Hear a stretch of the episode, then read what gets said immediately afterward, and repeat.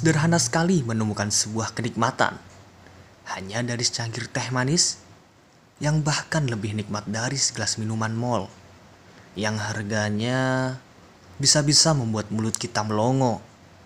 Padahal tak perlu berlebihan jika ingin memperoleh sebuah kenikmatan. Coba deh, tarik napas dalam-dalam. Lalu keluarkan. Baru saja kalian merasakan salah satu nikmat yang luar biasa. Gratis, tapi tak bisa dibeli. Indah bukan? Allah berikan kenikmatan itu semua kepada kita tanpa meminta kembalian sedikit pun dari kita. Kita hanya disuruh bersyukur dan beribadah kepadanya. Itu pun untuk diri kita sendiri.